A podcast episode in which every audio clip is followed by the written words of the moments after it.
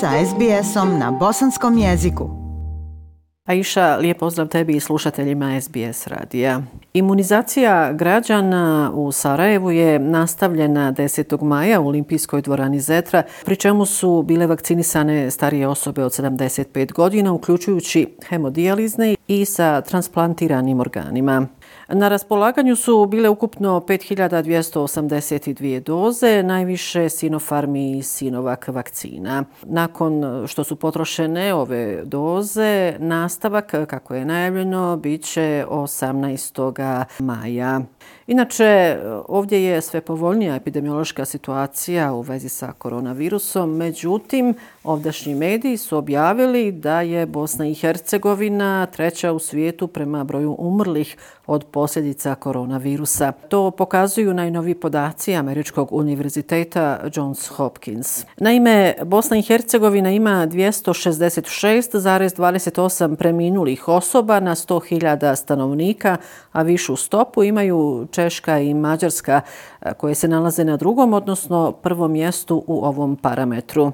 Prema podacima ovog univerziteta, Bosna i Hercegovina ima 200.963 potvrđena slučaja od početka početka pandemije, a umrlo je 8.790 ljudi, što je 4,4%. Viši postotak umrlih osoba u odnosu na ukupan broj stanovnika nema niti jedna zemlja u Evropi, pa čak ni Češka ni Mađarska.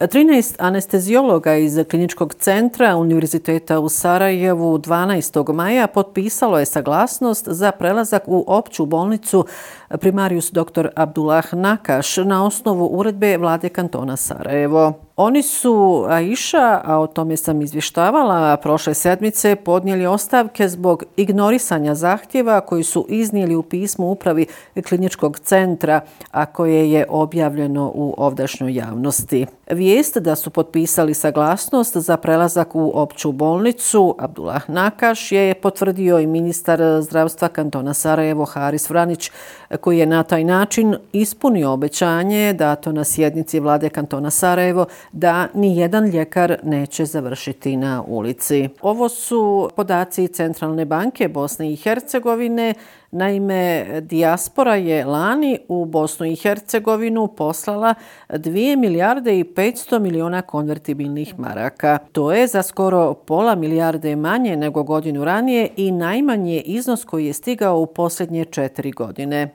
To su dakle definitivno pokazali podaci Centralne banke Bosne i Hercegovine za prošlu pandemijsku godinu. Najviše novca pokazali su opet podaci Centralne banke. Dijaspora je poslala prošlu prošle godine od januara do marta, odnosno u prvom kvartalu kada se u Bosnu i Hercegovinu slilo oko 4 miliona i 600 hiljada konvertibilnih maraka više nego istom periodu godinu ranije. Muslimani širom svijeta su 13. maja obilježili eh, prvi dan Ramazanskog bajrama.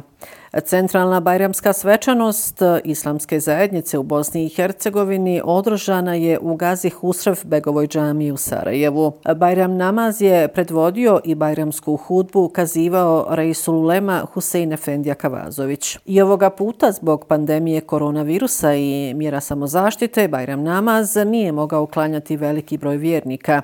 No pandemija nije spriječila bajramsku radost. Rejsulema Husein Efendija Kavazović je između ostalog u Bajramskoj hudbi poručio da mržnja ne može obogatiti našu zajednicu niti povećati njen ugled, ali može uništiti mostove među našim ljudima i svaku nadu u zajedničku budućnost. Evo poslušajte i dio iz hudbe Rejsa Kavazovića. Braćo i sestre, vjera traži da se fokusiramo na ono što nas ujedinjuje u vjerovanju i djelovanju, na ono što srca spaja, a ne na ono što ih razdvaja kada planu svađe i prepirke i mržnja, teško ih je obuzdati i zaustaviti. Suprostavimo se ljudima koji ugrožavaju naše jedinstvo, našu zajednicu, našu zemlju i naš narod. Naša domovina Bosna i Hercegovina jeste u poteškoćama, ali one nisu ni blizu oni koje smo ostavili iza sebe. Budimo odlučni i dosljedni u slijedjenju našeg cilja, da budemo dobri iskreni muslimani, predani Bogu, odani zemlji i narodu, u svojoj domovini i na svome. Budimo graditeljski, a ne svađalački narod. Naši pobožni učitelji, Allah im se smilovao, složni su u tome da je uzrok gubljenja vjere kod ljudi u drskosti koju pokazuju prema Allahu uzvišenom. Zamolimo ga da nas zaštiti od bolesti, briga i nemarnosti prema zajednici, narodu i domovini.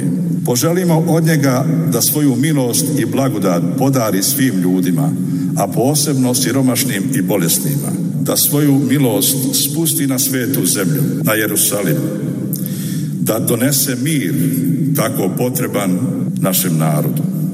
Svima vama, braći i sestrama u domovini i dijaspori, u Sanđaku, Crnoj Gori, Hrvatskoj, Sloveniji, Kosovu i Sjevernoj Makedoniji. Želim sretne i beriđetne bajramske dane, da ih u miru, zdravlju i zadovoljstvu provedete sa svojom porodicom, rođacima i komšijama.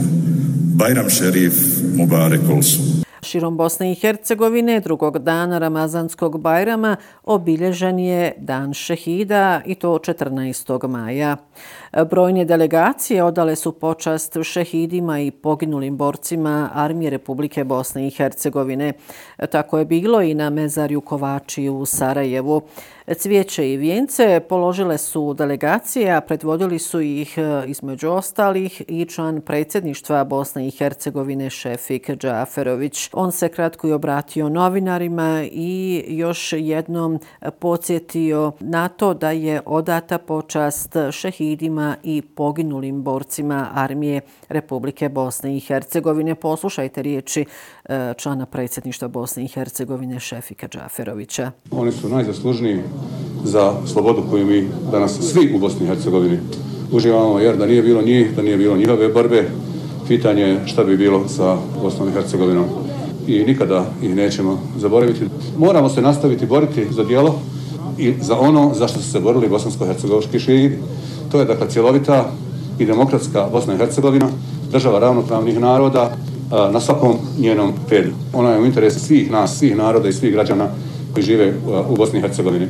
Vidimo dakle, da se i nakon 25 godina, nakon 26 godina nakon Daytona, još uvijek su žive retrogradne političke snage koje bi željeli da ostvaruju one ciljeve koji se ni ratom nisu mogli ostvariti. Evo i danas im poručujemo da nikada u tome neće uspjeti, samo bespotrebno gube i svoje i naše vrijeme i bespotrebno tapkamo u mjestu.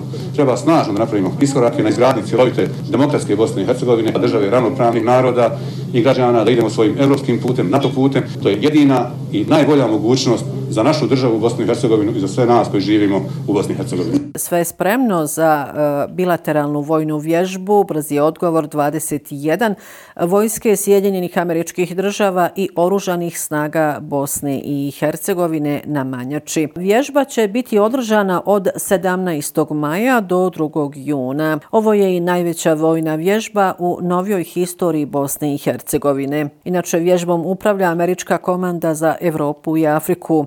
Cilj je ojačati bilateralnu saradnju oružanih snaga Bosne i Hercegovine sa vojskom Sjedinjenih američkih država. Kroz brzi odgovor e, testira se laka bataljonska grupa koja je deklarisana prema NATO standardu.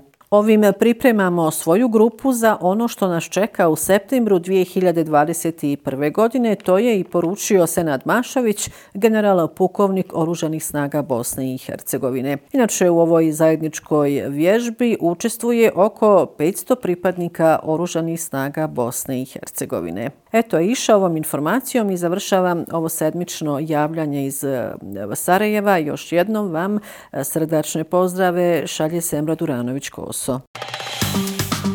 Like, share, comment. Pratite SBS Bosnian na Facebooku.